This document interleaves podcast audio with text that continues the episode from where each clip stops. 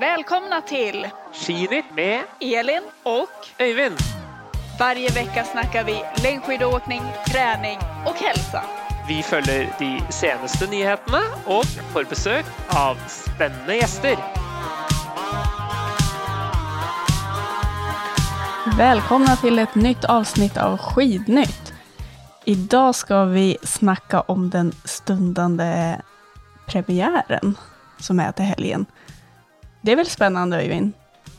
Ja, det blir spännande. vet du. Äntligen är skisesongen ordentlig eh, Vi hade ju lite, eh, Vi har ju haft lite grann denna helgen här också, men, eh, men för oss norrmän och svenskar när det, när vi får det på tv-skärmen och, och nationella öppningen, åpningen, det, da får alltid jag jag plejer å være der, da, så det blir jo litt spesielt sånn sett, men, men ehm, det, det er alltid veldig gøy. Og eh, ja, det er starten på skisesongen, rett og slett.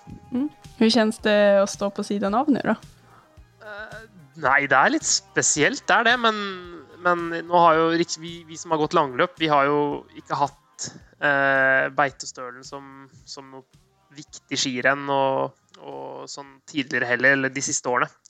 Så det er jo ikke så stor forskjell som kanskje eh, hvis jeg hadde satset tradisjonelt. Beito har aldri vært et så viktig skirenn, eller de siste fem-seks årene har det ikke vært så viktig skirenn. Så eh, Det kanske kommer kännas, ja, det Ja, kanske jag kommer kännas annorlunda om en månad när det är långloppspremiären som drar igång. Kan- Kanskje, kanskje litt annerledes, eller, og ikke minst når det er Vasalopp og, og de aller største rennene, tenker jeg. Ja, jo men precis. Hvordan er du, da? Kjenner du savnet, suget? Eh, nej men alltså det är lite som du säger, eh, det är klart det är lite annorlunda, så är det ju. Men man har ändå vant sig nu vid att man är vid sidan av, tycker jag. Och så är det lite som du säger också, den här eh, premiärhelgen som är nu har ju inte varit prio ett de senaste åren heller. Så att, ja, jag håller med dig där, att det kanske känns annorlunda om en månad. Vi får sitte i sofaen og heie på, da, vet du. Så det, det blir bra.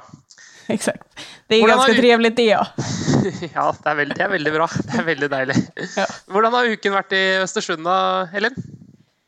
Eh, ja, det varit ganska kallt här. Vi har inte... Ja, vi har ju fått lite snö, men alltså bara så att det precis täckte marken. Men inte mer än så. Men det varit ganska kallt och fint. Eh, och jag har ju som sagt varit krasslig, så att eh, det tog ett tag innan jeg blev frisk. Men nu är jag på banan igen. Jag var och testade skidspåren i Östersund igår kväll faktiskt. Og det var fint? Ja, det var faktiskt jättefint. Det var inte så där slaskigt och sockrigt som det brukar kunna vara den här tiden. Det var faktiskt väldigt fint. Och, ja, det har ju varit som sagt ganska kallt, så det har väl varit bra förutsättningar för spåren. Dere er heldige i Østersund som har, um, som har skiløyper eh, og sparet snø eh, så Mm. nære. Eh, vi har I Oslo her så er det jo riktignok uh, snø, den store sånn, hallen hvor du kan gå på ski innendørs. Men det er vel det nærmeste vi kommer uh, skiføre i Oslo enn så lenge. Eh, for min del så har det vært ganske en litt røff uke. Jeg har også vært eh, krasslig, som dere sier i Sverige, syk. Eh, både Det har vært litt forkjølelse som har sittet eh, litt i, og så ha, på, i helgen så eh, Først på torsdag så begynte Magnus, kom hjem fra barnehagen og spøy. Eh, kastet opp. Og så fikk Astrid og jeg også ble jo smitta, selvfølgelig. Så på lørdagen så lå vi og krøpte oss, krøk, krøk oss sammen i sofaen og kastet opp. Og ja, det var ikke, noe- det var ikke noe gøy. Säger ni så till spy?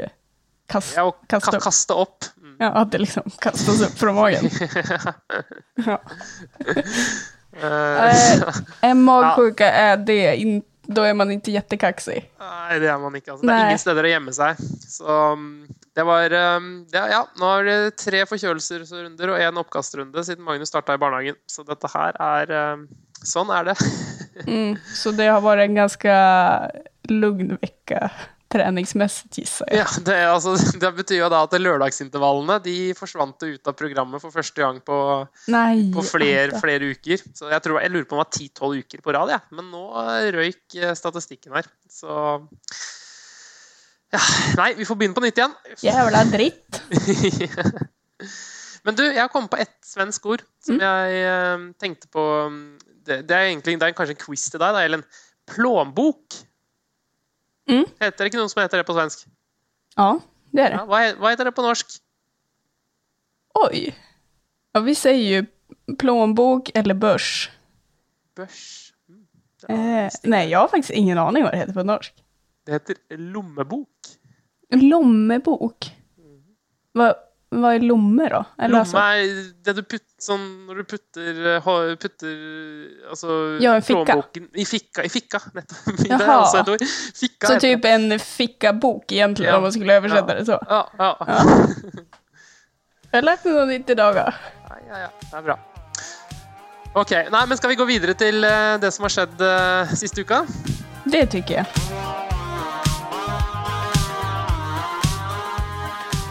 Även fast vi sitter kanske och väntar på den här klassiska premiären i Sverige och Norge så har det ju faktiskt varit lite tävlingar i helgen. Dels så hade vi ju en tävling uppe i Månio i norra Finland som var väldigt stjärntätt. Ja, det var, eh, det var lite av en eh, alltså ryssarna sände ju upp, alltså Bolsjunov är lite uh, syk og har litt trøbbel, men bortsett fra det så var jo stort sett alle de russiske guttene der. Herrene. Eh, så det Og så var Ivo der, Niskanen. Og så var jo Erik Valnes, eh, Finn Hågen Krogh. Eh, så det var, det var interessante konkurranser med veldig god deltakelse, da. Svenskene, dere, dere holdt dere unna. Mm, de höll sig undan. Ni hade ju några norskar på plats som sagt, men nej, inte så många eh, svenskor eller svenskar. Det, det, ble jo, det ble jo da på fredagens sprint, så var det eh, Sergej Ostjogov som vant. Veldig jevn eh, målfinish med eh, Alexander Aleksandr Terentev, eh, annen russer. Eh, Federico Pellegrino var også der. Han ble nummer tre. Og Erik Valnes fire. Eh, det var litt snøvær der, så jeg tror Altså, Valnes vant prologen med sju sekunder, så det var jo helt eh, ekstremt. Eh, og han var jo stor favoritt, ville jeg tenkt, men han, han, det begynte å snø, og det var vanskelig å gå foran og i front, så han eh, var litt uheldig med det, tror jeg. Og ble slått på oppløpet. Så um, det var sikkert litt surt, men eh, jeg tror han Ja, det var ikke så viktig når når man tenker det. Jeg tror ikke, det det er det han kommer til å tenke så mye på når sesongen er ferdig, at han ble nummer fire i Monio. Men Eh, det är kanske inte det som väger tyngst. Altså, um, på lørdag og på søndag så var det Ivo Niskanen som eh, vant. Eh, det var sterkt av han. Han slo, slo russerne og viser at han er i rute før, uh, før verdenscupstarten. På damesida så var det Laura Gimler, eh, tysker, eh, som vant sprinten. Eh, hun har vært litt sånn ja, ung talent som har vært i vært med i verdenscupen en stund, men ikke slått helt gjennom. Kanskje året kan bli eh, positivt. Eh, samtidig så var Victoria Carl hun var nummer tre alle tre dagene. Både på sprinten og begge distanserennene. Så tyskerne starta ganske bra. Eh, og så vant Neprjajeva eh, klassiskrennet, og eh, Parmakoski, Krista Parmakoski vant eh, skøyterennet. Så ja, har du noen kommentarer til de resultatene, Elin? Nej, det känns väl ändå ganska väntat. Det gjorde de. Och Permakoski och Neprjajeva, de var ganska tajt också va? Visst var det det? Bara skilde en sekund eller något? Ja, altså det var jo på, på så på søndagen så var det 1,2 sekunder mellom første og tredjeplass. Eh, så da var det, var det vel ni tideler, tror jeg, til Neprajeva, og så var det 1,2 sekunder til Victoria Carl. Så eh, det Men når det er sagt, altså det var jo veldig jevnt, og det kan jo tyde på at alle er veldig bra, men det kan også være et tegn på at eh, Alla är väldigt Ja. dåliga. ja, at alle er veldig dårlige, eller at det kanskje var litt sånn midt på tre. Jeg, jeg tror ikke Therese Johaug eh, er veldig bekymra etter å ha sett de eh, resultatene. Men du tror inte det? Jeg skrämmer inte henne. ikke- Jeg tror kanskje ikke det, men, men hvem vet? Kanskje de, vi får se når kanskje Krista kommer til, til Ruka og er i eh, superform. Vi Men får se det ju vara, har du varit i Monio? Jag tänkte hur banorna ser ut. Det kan ju vara liksom sådana banor också som inte gör så stora avstånd. Nei, jeg, jeg tror banen Jeg har ikke vært og gått der selv. Jeg har jo kjørt forbi, men jeg har ikke gått i. Jeg, men jeg har hørt fra de som er der, at det er sånn ganske tøffe løyper. Eh, og den var også 5200 meter, tror jeg, så den er litt for lang. Så de gikk 15 og 10,5 km, da. Så eh, Nei, jeg tror det, eh, det Det var ikke det som gjorde at det var så, så lett. Og det var veldig fine forhold. Fint vinterføre. Så Nei, spennende i hvert fall at vi er i gang. Så får vi eh, se litt mer nå når både de norske og de svenske eh, kommer ordentlig i gang på Ja, neste ja, precis. Och sen om två veckor när alla möts i världscupen. Mm. Får vi se vad det var för klass i Monio. Absolutt. Mm. Eh, skiskytterne, Elin, i Idre. Mm. Precis, de svenska har ju varit i Idre. Det var väl också ganska, vad ska man säga, väntade resultat. Så det var Ponsi Loma och eh, Sebastian Samuelsson och Nelin. De visar att de är i toppen. Eh, på damsidan, eh, det var ju mycket de här landslagsåkarna. Det som jag tycker är lite kul där är ju att lilla syster Öberg, Elvira, hon visar ju verkligen framfötterna och dängde till stora syrran ganska rejält. Ja, det var det syns jeg, alltså det, jag syns det var to, altså ting. Det ena var ju att herrarna, Sebastian og, og eh, Martin, at de begge to er så eh, Altså, de er klart best, da. Eh, Og de hadde jo liksom ganske god avstand til, til de bak. Eh, og så, som du sier, at Elvira hun gikk jo så fort på ski, og, og den derre søndagen hvor hun skyter fire fulle hus, det tror jeg eh, kan være vanskelig å straffe for eh, både Røiseland og Eckhoff selv i god form, altså. Så eh, det var impo veldig imponerende. Og så var det litt kult med Stina Nilsson, som hadde beste eh, langrennstid på, eh, på normalprogrammet. Så det viser jo at hun også, hvis hun får skyte til å fungere nå, så Ja, hon visar ju att hon är att räkna med i, i skidspåret. Sen är det ju liksom skjutningen och det, sånt tar ju tid. Hon kommer ju säkert göra jättebra ifrån sig i vissa tävlingar men och så kanske skjuta lite sämre ibland. Jag tänker mig att det kommer variera en del eftersom hon är så pass ny i och inte fått in rutinerna så pass mycket. Men det ska bli väldigt kul att, att följa henne. Alltså jag gillar den här satsningen som hon gör, att hon vågar kliva in här. Så att, eh, ja, jag tycker det ska bli spännande att följa henne.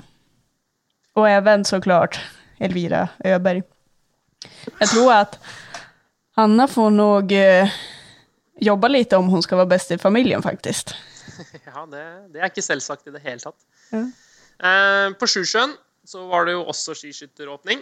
Eh, der var det Det hele franske landslaget var med, og, ga, og tsjekkere var også med. eh, ga de norske kamp. Eh, Julia Simot vant, nei, vant sprinten på, eh, på eh, lørdagen. Og på fellesstarten på søndag så eh, var det Ingrid Landmark Tandrevold som imponerte. 20 treff og vant klart. På herresida så var det Sivert Bakken som vant sprinten. Eh, imponerte veldig. Og Tarjei Bø som vant eh, fellesstarten. Så eh, Ja, men det er også relativt ventede resultater. Kanskje litt skuffende av mange av landslagsløperne. Eh, Sturle Holm Lægreid eh, mangler en del på langrennsfarten. Eh, og eh, Erlend Bjøntegård, Vetle Sjåstad Christiansen kanskje litt eh, dårligere enn man kunne ha håpa på. Eh, og så var jo Johannes Tingnes Bø forkjøla. Så um, ja, det var, um, det var greit, men det var eh, mange nye og, og yngre og kanskje litt som, som er utenfor landslaget, som viste seg fram. Da. Og det er jo gøy, da. Mm. Men jag tänker också de här eh, A-lagsåkarna och de allra bästa. Eh, hur man tänker så här i början på säsongen. De har ju ändå ett OS som förmodligen de flesta av dem kommer bli uttagna till. Eh, Og det, ja. Og det er jo veldig det derre Altså, det at de har Altså, man, man Det kritiseres jo veldig at man tar ut lag veldig tidlig. altså Sånn at de har fri plass på landslaget og sånne ting til de første verdenscuprundene. Men det er jo akkurat fordi at de skal slippe å toppe formen til mm. disse rennene her, som gjør at uh, de har den friplassen. Uh, og så kan man jo selvfølgelig diskutere om uh, er hvor Hvis du skal være bra om to uker i Östersund är det då, Du kan ju inte vara helt off eh, i denna helgen här kanske. Uh, eh, men eh, det är i hvert fall det som kanske är lite tankegangen bak. Da, at man ska ha lite sånn ro och inte trenge å toppe noe form till, till den, den, helgen som vi var igjennom. Og så var det én ting til jeg skulle nevne. Det var jo også litt kult med tanke på langrennstid. Det var jo vi som kommer fra langløp. At på lørdagen, på sprinten, så var jo den beste langrennstiden Den hadde Astrid Øyreslid. Mm -hmm. Hun skjøt fem strafferunder, så hun ble bare nummer 27. Men, Men hun var med, eh, altså? Hun var med, og ja. både hun og Chris Jespersen Eh, uh, gikk, uh, eh, gikk og, eh, og, Astrid hadde da faktisk beste langrennstid. Så det var veldig imponerende, og det lover bra når hun er, har beste langrennstid i skøyting, for det, uh, det er kanskje ikke det hun har trent mest på. Nej, det är ju inte det. Men det visar ju då liksom på att kroppen fungerar. Kapaciteten är bra. Og så, og så hun jo, hadde hun jo faktisk muligheten til å gå fellesstarten da på søndagen også, men fordi at hun ikke trodde at hun skulle være god, klare å gå så fort på lørdagen, så hadde hun ikke giddet å melde seg på engang på søndagen. Så, så, da fikk hun ikke gå på søndag, da. Fordi, Nei, eh, tråkigt. så det var litt uh, leit, da. Men hun, uh, hun, viser i hvert fall at formen er på plass da. Nå, en måned da, før, før Ski Classics setter i gang. Ja. Skal hun åke nästa helg, öppningspremiären? Vet du det? Godt spørsmål. Det har jeg faktisk ikke jeg har ikke, Säkert. Det vet jeg ikke. Om hon åker skidskyttepremiär så borde hon väl åka längdpremiären? Ja, jeg, jeg, tipper det. Ja.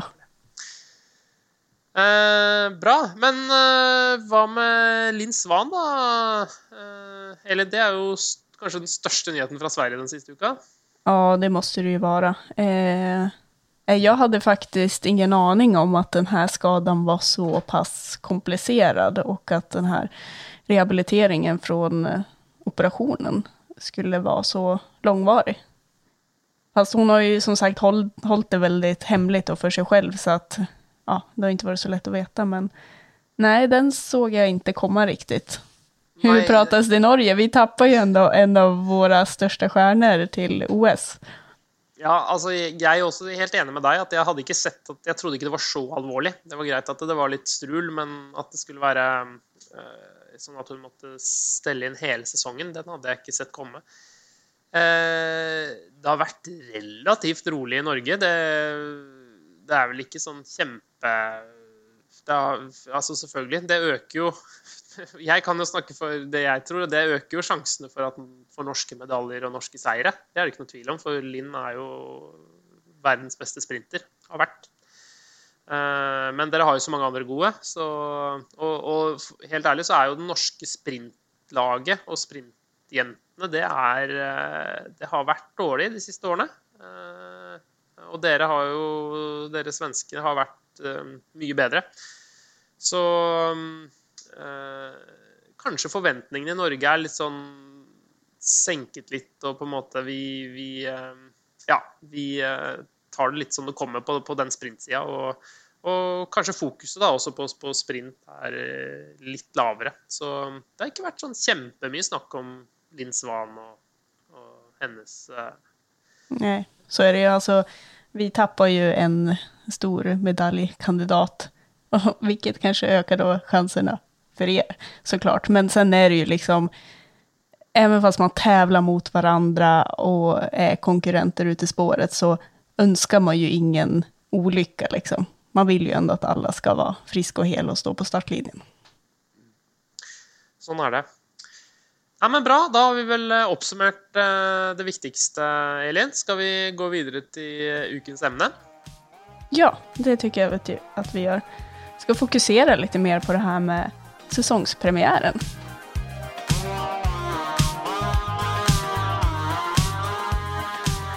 Ja, Öyvind, när det började närma sig säsong, när du var aktiv, hur, hur gick tankarna då? Hur la du upp träningen? Eh, nej, alltså det är ju standardsvaret du får från 95 procent av de som satser langrenn, är ju det att eh, du trappar ned på mängden og du eh, trapper opp på intervallene. Eh, og du tar kanskje litt kortere drag, litt lengre pauser.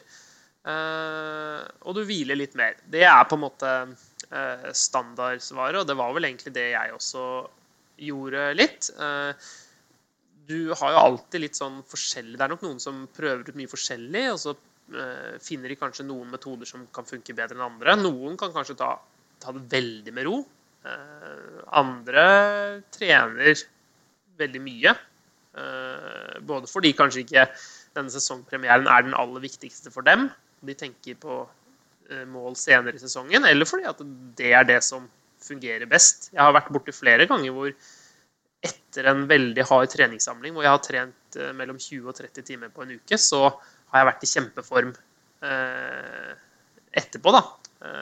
Sånn at det er alltid litt vanskelig. Men det som jeg har inntrykk av, er at det er de som er best på formtopping, de kjenner hva, eh, eller skjønner hva kroppen sin trenger akkurat nå. Fordi at du har ikke det samme utgangspunktet eh, hver gang. Og da, hvis du klarer å Eh, kjenne at ok, i denne gangen så er kroppen sånn, og da må jeg gjøre treninga på denne måten.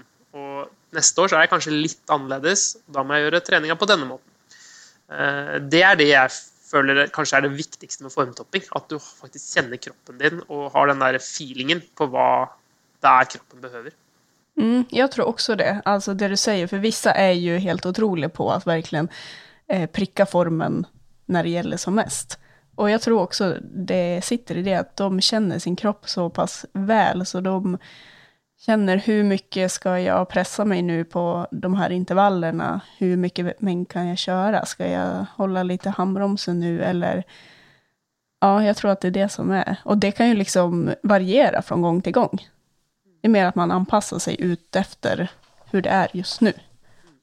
Och det, det, tror jag är viktig, det viktigste da, for formtoppingen. Også om du på en måte kjører tre ganger fem minutter eller fem ganger tre minutter, eller eh, har to og et halvt minutt pause eller fire minutters pauser, eller hurtighetsdragene er så og så lange, eller det, det, er på en måte Det kan gå bra uansett, men, men det, Eller det går, det er, det er, ikke så viktig, men du må på en måte finne det som passer best for deg, da. Så øh, det eh, øh, jeg, jeg, var, jeg, var, ikke så god på det. Jeg, jeg, følte aldri at jeg fikk helt den der feelingen og kjente hva kroppen trengte. Så jeg prøvde å ha et litt sånn mer standardopplegg som jeg eh, kjørte. Det funket av og til, og så funket det dårlig andre ganger. Mm. Du, du da, Elin? Ja, men jag håller nog med dig. Det är inte alltid man lyckades eh, träffa formen så. Och sen blir det så här, om man är i bra form, då är det som naturligt lättare, bara att allt flyter på, eh, att man träffar så. Och samtidigt som om man är i bra form så är det ganska lätt att bränna en form också. Att man alltid tar ut sig lite hårdare. Um, så jag skulle säga att det var nog lite både och, skulle jag säga. Ibland lyckas man, men inte, inte jämt. Men Vem tycker du att det var någon skillnad från att du åkte traditionellt till långlopp? Jeg jag vet inte. Jag syns egentligen inte det. Eh, det viktigaste är att vara i form. Altså for min del så Jag følte inte det var så stor skillnad på en 10 km form och en 50 km form. Aldri, I hvert fall ikke for min del syns jeg ikke det uh, spilte så stor rolle. Så sånn selve den formtoppingsbiten Treningen er forskjellig, men formtoppingsbiten, den, den var nog ganska lik, eh, følte jag. da. Mm. Det enda jag kan känna skillnad på där kanske var att när man åkte traditionellt, då blev säsongsöppningen så pass mycket viktigare. För det var viktigt att prestera då för att få bli uttagen till kommande tävlingar. Mm, medan på långlopp så ja men då kanske man inte prioriterar första tävlingen lika hårt. Eh, och då vet man vilka tävlingar man ska åka under säsongen och kanske la upp det mer efter det. Det är väl egentligen den skillnaden jag känner var störst. Det är ju det som är väldigt behagligt med att gå långlöp, att du om du är traditionell löpare så är det inte säkert att du får ställa till start i ditt stora mål, om det är OL för exempel. Men vi vet ju att uh, så länge man är frisk och skadefri, så, så kan man ställa till start i Vasaloppet, Birkebeinerrennet, Marcialonga. oavsett. Så det är ju en fin uh, det at man kan senke skuldrene litt mer, kanskje. Mm. Men hvem er det som Ja. Ja, nu får du väl rätta mig om jag har fel, men du var väl heller ingen julstjärna, som man säger. Du kommer ju starkare under vårsäsongen, liksom. Hva det- tror du det berodde på? Nei, veldig rart. Jeg, det, det, jeg vet ikke. Jeg klarte ikke Jeg føler det var en sånn indre klokke. At det, jeg var, fungerte best i mars-april. Men om det var pga. treningen jeg gjorde tidligere, eller om det var fordi at alle andre ble dårligere, eller om det var eh, Det vet jeg ikke. Men eh, ja, det er riktig som du sier. Jeg fungerte alltid best eh, fra ja, spesielt midten av mars og til midten av april. Det var mine, min Jag måned. vet vad det är. Solskensåkare. Ja. Kanskje det er lyst, lyst og fint, vet du. Og Ja. mye bra føre, kanskje. Og ja. Kommer ut av vinterdepresjon. Ja, men jag håller med. Alltså, det är nästan den tiden det är som roligast att tävla, för det är då det, ja, man börjar få lite den här vår, eh, vad säger jag, vårvintern och det är väldigt fina skidspår. Det är lite eh, ljusare och solen börjar värma lite. Ja, det är väldigt det är väldigt fint, alltså. absolut. Kanske det är därför. Men du, Elin, vi må komma komme oss videre her nå. Vi skal jo ha en gjest her i dag eh, som skal gå premieren. Eh, men først, hvem er det du tror eh, eh, kommer til å gjøre det bra i Sverige? Eh, alltså, det är klart, det är ju några som känns ganska uppenbara att de kommer göra bra ifrån sig. Om jag säger namn som Ebba Andersson, Frida Karlsson. Eh, men om man ska välja någon, och typ liksom Jens Burman och ja, eh, de som känns väldigt stabila, håller hög nivå. Eh, men om man kanske ska välja någon som inte känns lika uppenbar då? Då, då skulle jag säga, på här sidan skulle jag säga Fredrik Jonsson, Hudiksvall. Og en jente? Och en tjej, oh, den är lite, eh, jag, önskar att jag hade lite bättre koll på hur de har tränat. Och jag vet inte om det gills riktigt att säga Emma Ribom, för hon börjar ju ändå liksom ha varit där i toppen ganska mycket. Men jag tycker det ska bli väldigt spännande att se om hon kommer verkligen etablera sig där uppe. För det är det jag tror. Kult, bra. Det er spennende.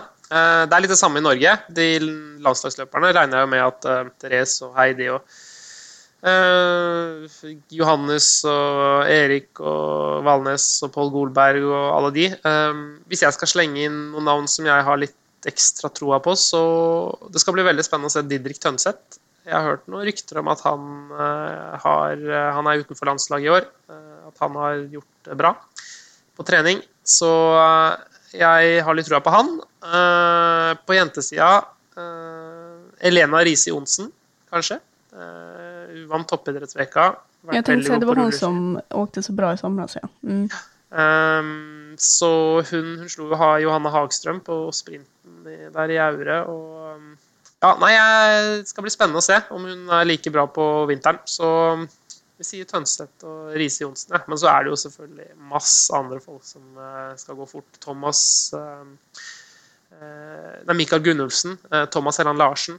Eh, det er jo spennende gutter som har gjort det veldig bra i sommer. Eh, er, ja, jeg tror det er mange som går rundt med lite sånn OL, en liten OL-drøm eh, bakerst i hodet. Og hvis de skal dit, da er de nødt til å gå styggfort i, eh, i helgen, i hvert fall. Så, Ja, verkligen. Och jag vet ju att de har ett eh, grabbgäng här också som inte är i landslag. Eller ja, de, vissa är väl i, i Bauhaus-teamet. Eh, de har ju också gjort ett eh, höjdupplägg i år, så de har ju åkt på egna höjdresor. Så sen måste jag också säga något som ska bli spännande, det är ju Max Novak. Han vann ju faktiskt i fjol, så det ska bli kul att se om han kan upprepa det här. Då var det visserligen i Bruks, så att det är ju inte samma bana. Men spännande. Han har ju varit stark i sommar, så det ska bli kul att se om han kan göra samma fina prestation. Kul. Det blir kul. Det blir spännande. Uh, men du, vem är det som är uh, ukens gäst, uh, Elin? Veckans gäst är en tjej från Piteå som eh, ja, just nu håller på att förbereda sig inför säsongspremiären. Och det är Sofia Henriksson. Sofia var väldigt lovande som ung. Hon var riktigt stor ungdomstalang och gjorde riktigt bra ifrån sig under ungdom och eh, junioråldern. Hon har även gjort väldigt mycket bra resultat här som senior. Eh, men hon har haft kantats av lite problem på vägen, får man väl säga. Så vi ska ta och lyssna lite mer till Sofia och vem hon är.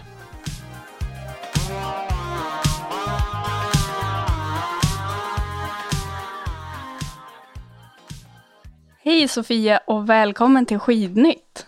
Hej, tack så jättemycket. Vad roligt att ha dig här. Ja men vad kul att jag får vara med. Det är ju verkligen poddpremiär för mig så det känns superspännande. Det kanske är bara i början. Rätt ja, vad det man... kanske startar någon egen eller så. ja man vet ju aldrig, jag kanske får mer smak efter det här. Ja.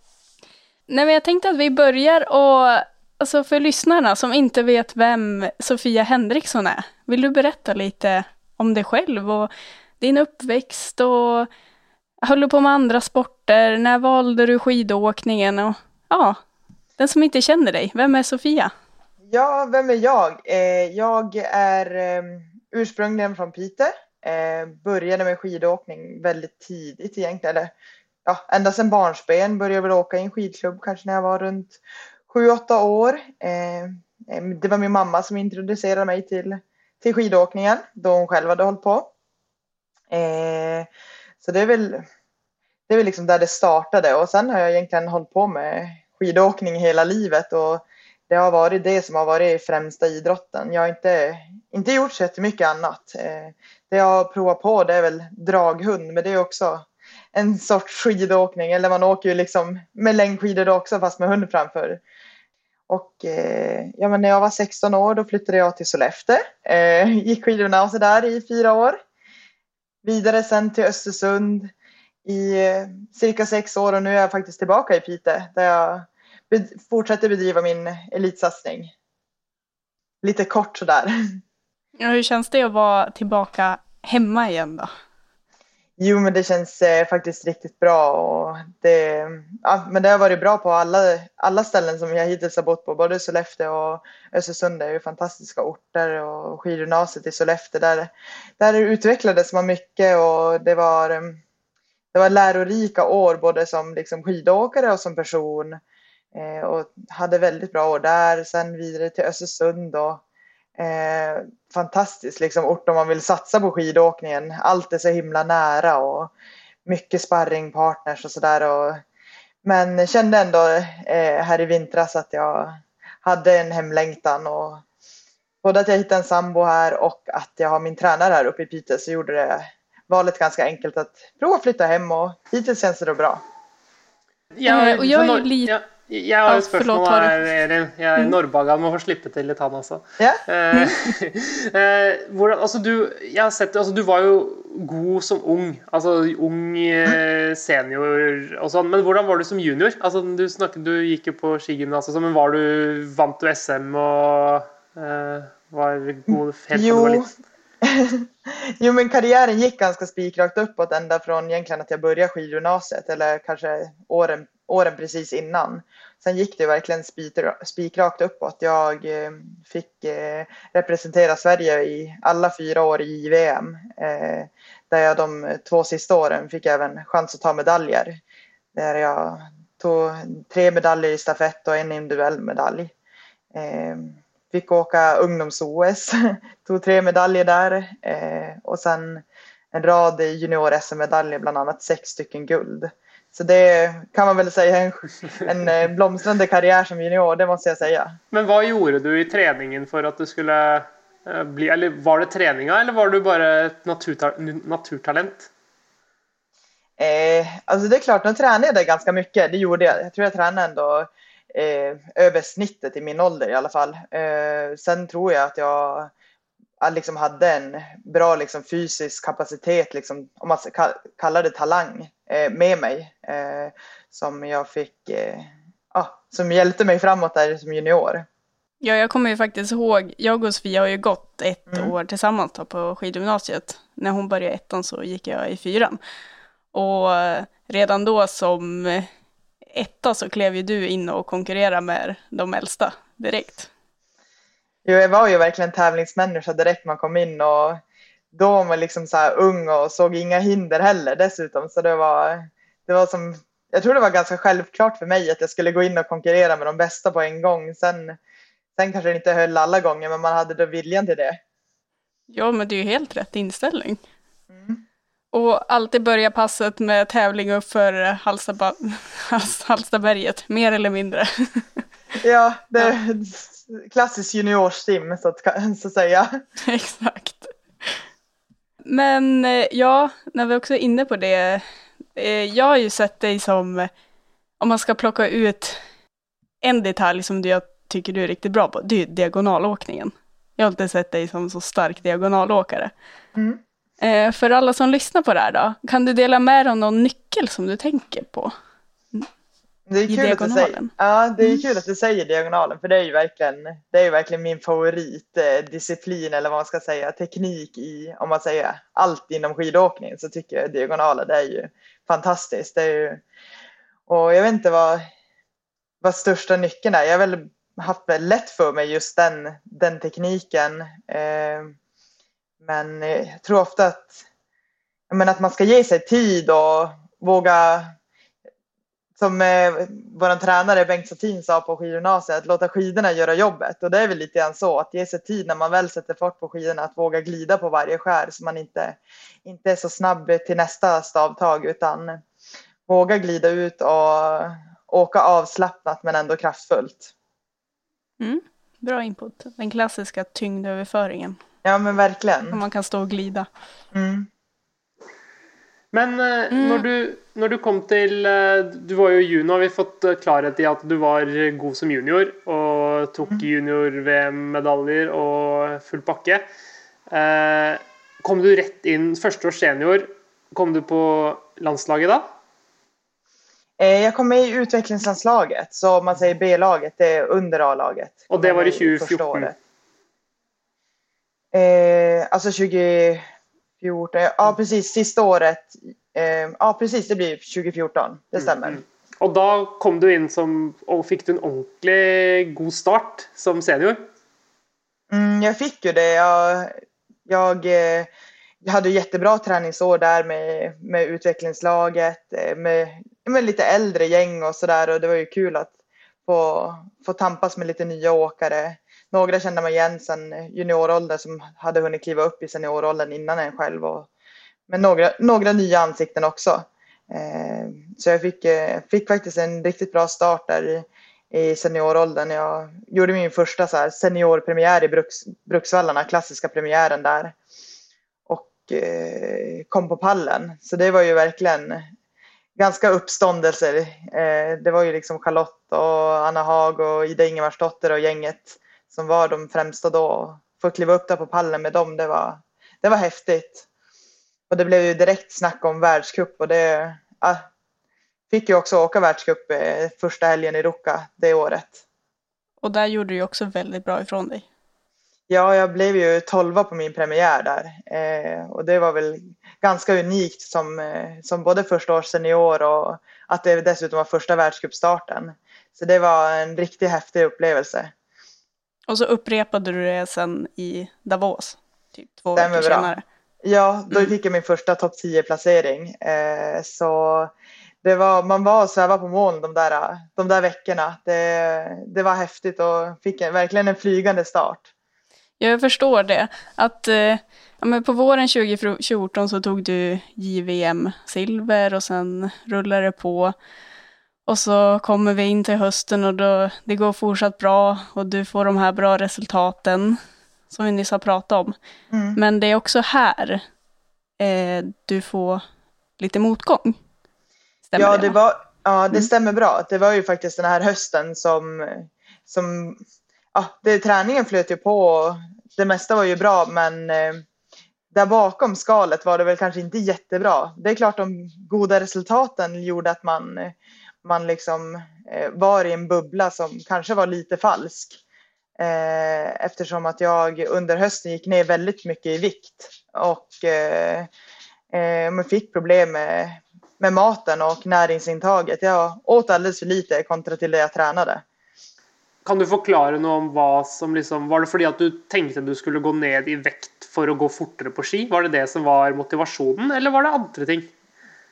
Eh, det var andra ting i grunden. Det var nog mycket självkänsla och jag tror säkert många tjejer och killar kan känna det kanske i den åldern att man, man kanske inte riktigt hittar sin plats och vill, eh, ja, men vill bli den bästa versionen av sig själv. Eh, sen när det visade sig att jag gick snabbare på skidor också så det är klart det vart en otrolig boost. Eh, att, eh, ja, att man fick liksom belöning för att man gick ner i vikt. Kortsiktig belöning skulle man säga. Ja, precis. Men kan du, kan du förklara, du sa ju där att bakom skalet så kanske man inte mådde så bra. Hur, hur yttrade det sig? Mm, men det var ju just att jag hade problem med att äta och få i mig tillräckligt.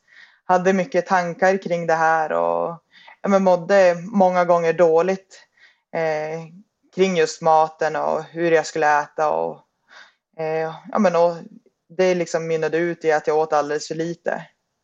Mm.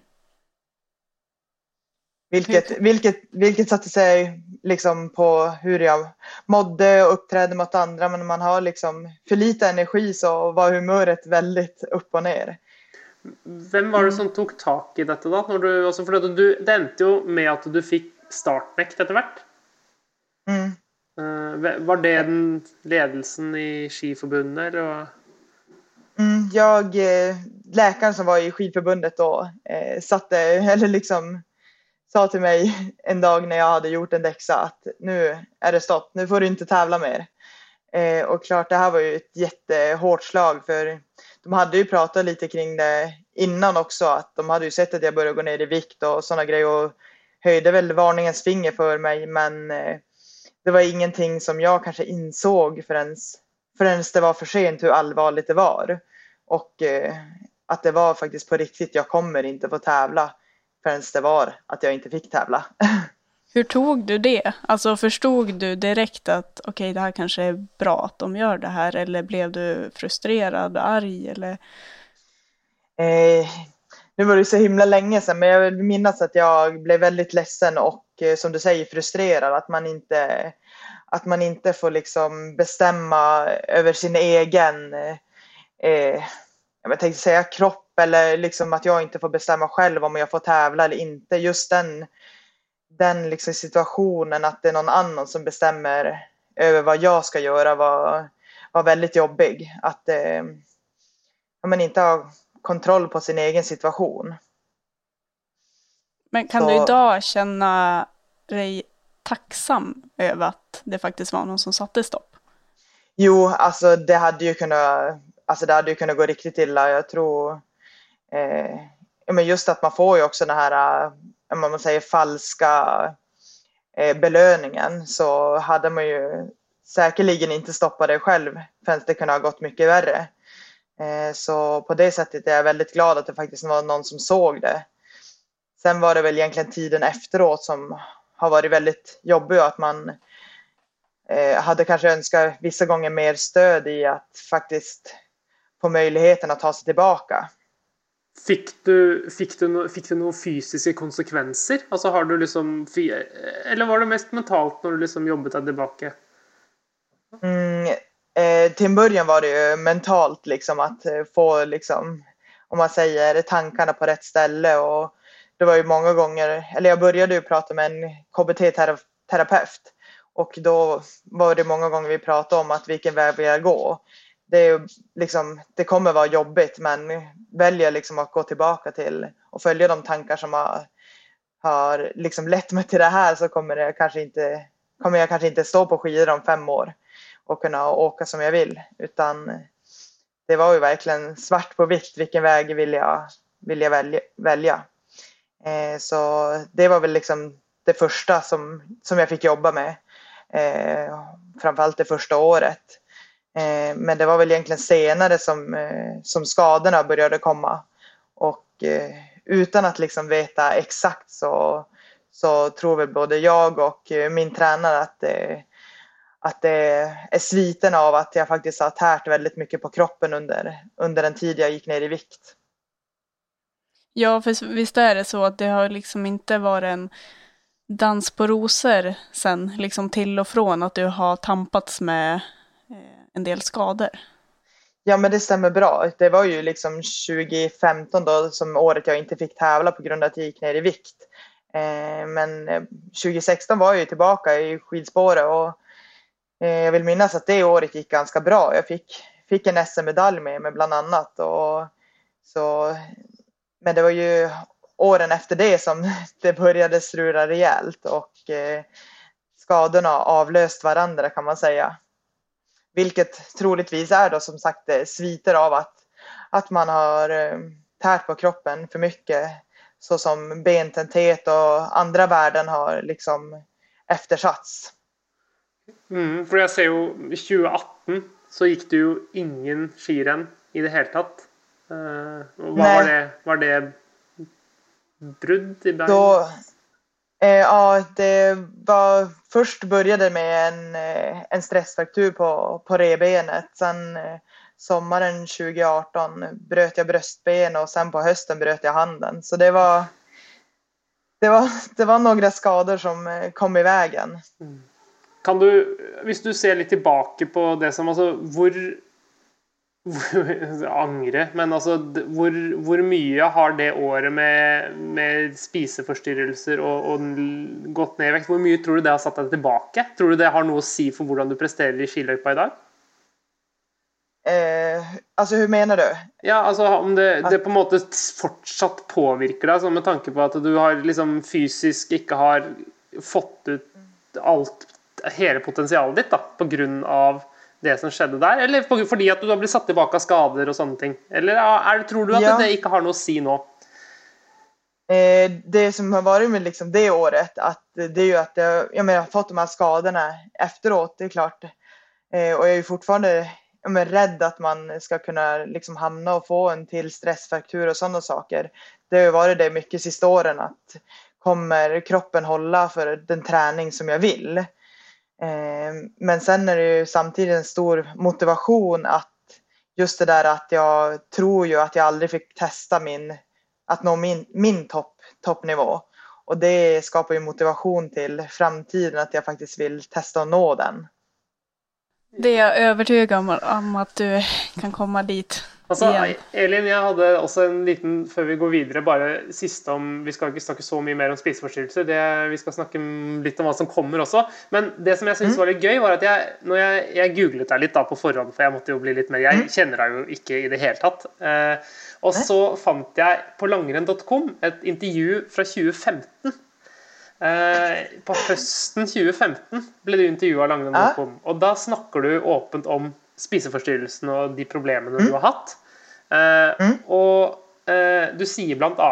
at eh, jeg håper at vi i framtiden skal kunne prate mer åpent rundt spørsmål om ulike spiseforstyrrelser. Dette for å kunne hjelpe andre og rett og slett videreformidle kunnskap om et viktig tema. Eh, mm. Og dette her var i 2015. Nå sitter vi her i 2021, seks år etterpå, mm. og vi snakker om akkurat det samme. Eh, ja. Har det liksom Hva tror du vi skal gjøre for at vi skal klare å få til at vi kan prate mer åpent om dette her? Vi prøver jo det nå, da, men liksom Ja. Nej, men det är väl det är en jättesvår fråga, för det är ju känsligt och jag tror ofta när man får liksom problem kring det och går liksom fel väg att det, att det blir svårt att prata om det, både för att man liksom skäms för det och sen att man kanske inte riktigt har kunskap kring det. Eh, att eh, att det blir lite skambelagt att man eh, ja, men, har trampat snett helt enkelt och har svårt att visa det utåt. Och hur vi ska få, få liksom både yngre och äldre att prata mer kring det. Det tror jag väl är en sån här grej att faktiskt våga prata öppet om det. Att det, det är, att det är inte skamligt att, att liksom både nämna att man har gjort fel och eh, ja, men, ha sina tankar kring det och våga ställa frågor om man, är, om man undrar eh, vad som är rätt och fel. Och sen är vi ju alla olika så det kanske finns många olika rätt och fel dessutom. Ja, det är ja. verkligen en supersvår fråga men eh, jag tror det här är ett steg, steg i rätt riktning att eh, faktiskt våga vara öppen och dela sina tankar kring ämnet och diskutera runt det eh, och lära av varandra. Ja, jag tror också att det är jätteviktigt, precis det du har gjort, liksom, att du delar med dig av din historia. Jag tror det är så viktigt att få höra det från de som faktiskt har upplevt det här. Men det där är ju historia. Nu är vi ju precis eh, i startgroparna av en ny säsong. Och hur har förberedelserna gått inför den här säsongen?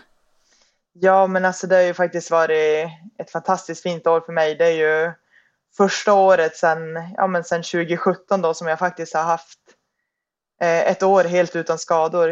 Eh, 2020 var det senaste jag hade en, en fraktur på ett reben och eh, 2021 är ett år som har varit hittills, peppar peppar ta trä, eh, inte varit några större bekymmer så det har varit en väldigt bra sommar för mig där jag har fått göra den träning jag faktiskt har planerat. Och eh, det, det har ändå visat sig kontinuitet ger resultat och förhoppningsvis ska jag få ut det i skidspåren också men det har känts väldigt positivt eh, både de tester och de eh, pass jag har gjort under året så det, ja, det känns superspännande.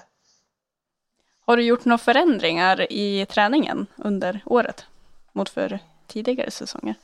Ja, men det är väl egentligen att jag har lagt lite mer rehaben åt sidan och mer fokus på den, den träning jag vill göra. Och det är väl inte jättestora ändringar. Det är väl att kanske ha fått med lite mer överkropp kontra tidigare år som naturligt har ramlat bort på grund av att jag har varit skadad mycket i just överkroppen. Att jag kunnat ta med lite mer sådana grejer inför det här året. Men annars egentligen fortsatt på, på samma spår som jag haft sista åren. Att, eh, men kunna göra det mer fullt ut då. Vad slags mål har du för säsongen då? Eh, ja, men det är ju superspännande liksom, när man går in i säsongen så här. Och, men när man dessutom inte har varit i något lag så har man inte, har man inte mätt sig så jättemycket med de andra tjejerna i, i det svenska laget. Så man har ju inte jättebra koll på hur man står sig. Eh, så det, målet blir väl, ja men först i alla fall skulle jag vilja komma ut på världskuppen lite mer. Jag fick ju i fjol chansen under några lopp och det var ju mina första lopp på fyra år. Så det hade varit jättekul att kunna, kunna få fler chanser i världskuppen och sen är det ju ett OS som hägrar där framme men det är nog mer en drömmål. Det är inte huvudmålet men eh, jag vet att det kommer vara extremt tufft.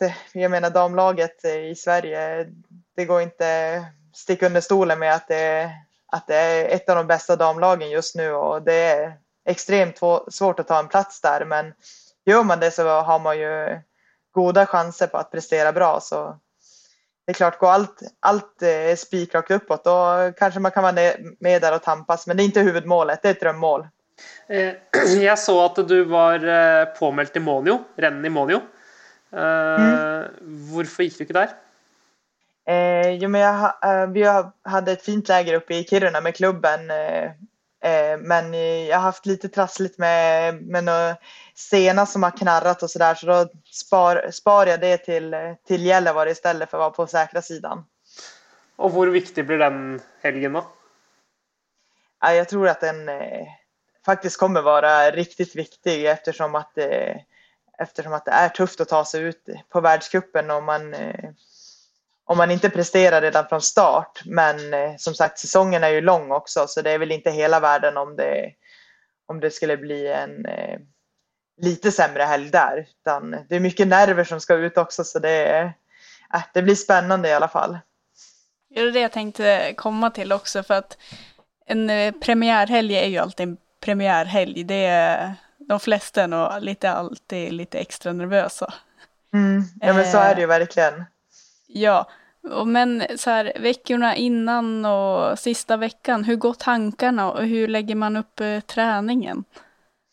Mm, det har ju varit mycket fokus sista veckorna på att ja, men, hitta snö och få skidvana. Och jag tycker att min form har känts väldigt bra när jag har fått göra pass på, på rullbandet och skierg och sådana grejer som det har blivit mycket här hemma när det inte finns någon snö.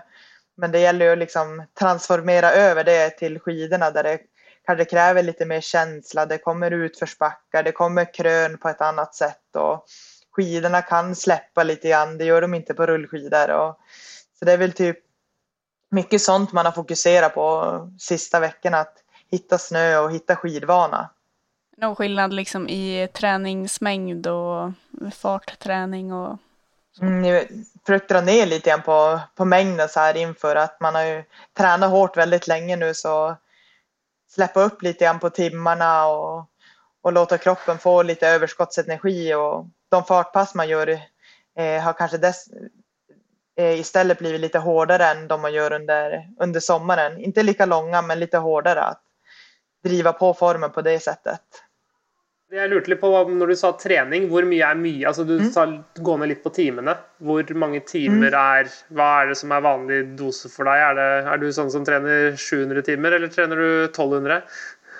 Eh, nej, men min eh, årsplan i år ligger väl på runt 800 timmar, så lite mittemellan där då. Eh, så en eh, hård vecka under sommaren kan ju ligga mellan 20 och 30 timmar. Eh, nu kanske man är nere på runt, men säg eh, runt 15 timmar plus minus. Så det är väl skillnaden. Men altså, jeg tror bare jeg må si eh, masse lykke til, jeg, Sofia.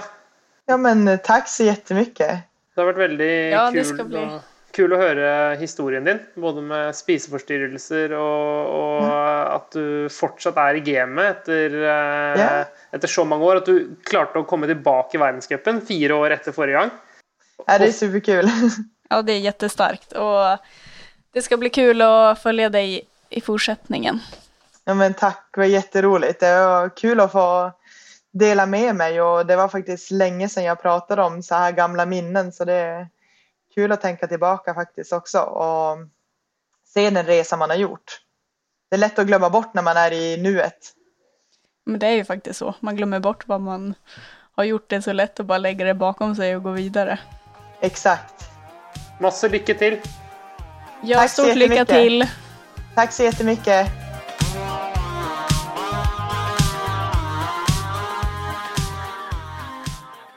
Ja, det där var Sofia Henriksson. Kul att höra att hon eh, har haft ett år som har varit problemfritt nu. Ja, det er eh, kjempekult å klare å jobbe seg ut av det. Det virker jo som at hun har, eh, hun har virkelig tatt tak, og mm, nå er eh, klar for å kunne fokusere fullt på, på idretten og prestasjoner igjen, da. Mm. Og slippe å bry seg om skader og, og forhold til mat og alt sånt. Så det blir spennende. Hun, hun fikk jo som sagt, vi snakket om verdenscupstarter igjen i fjor, for første gang på fire sesonger. Så um, kanskje hun kan eh, bli en liten joker i det, i det svenske laget till eh, ja, OL till och med.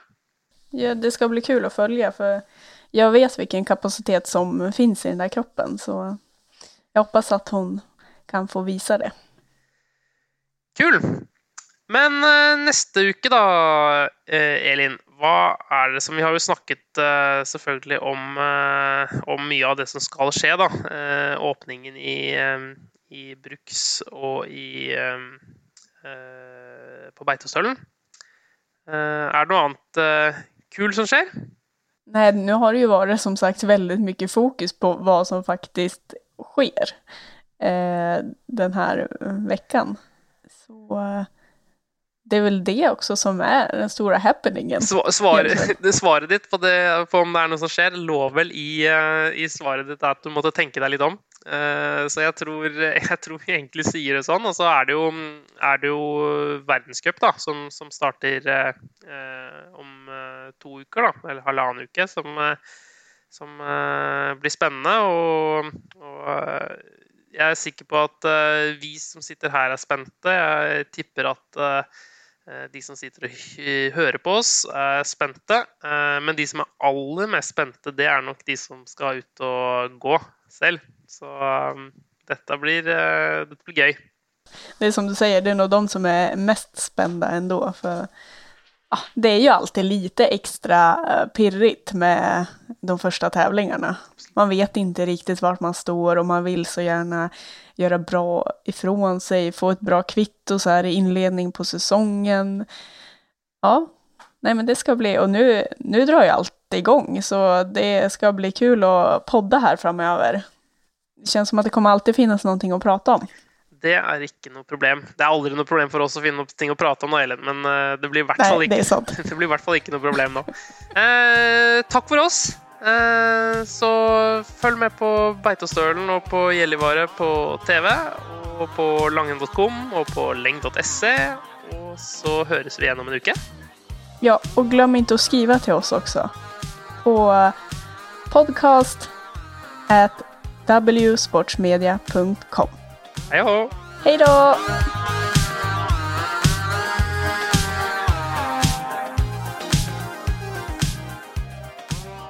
This podcast is a W Sports Media production.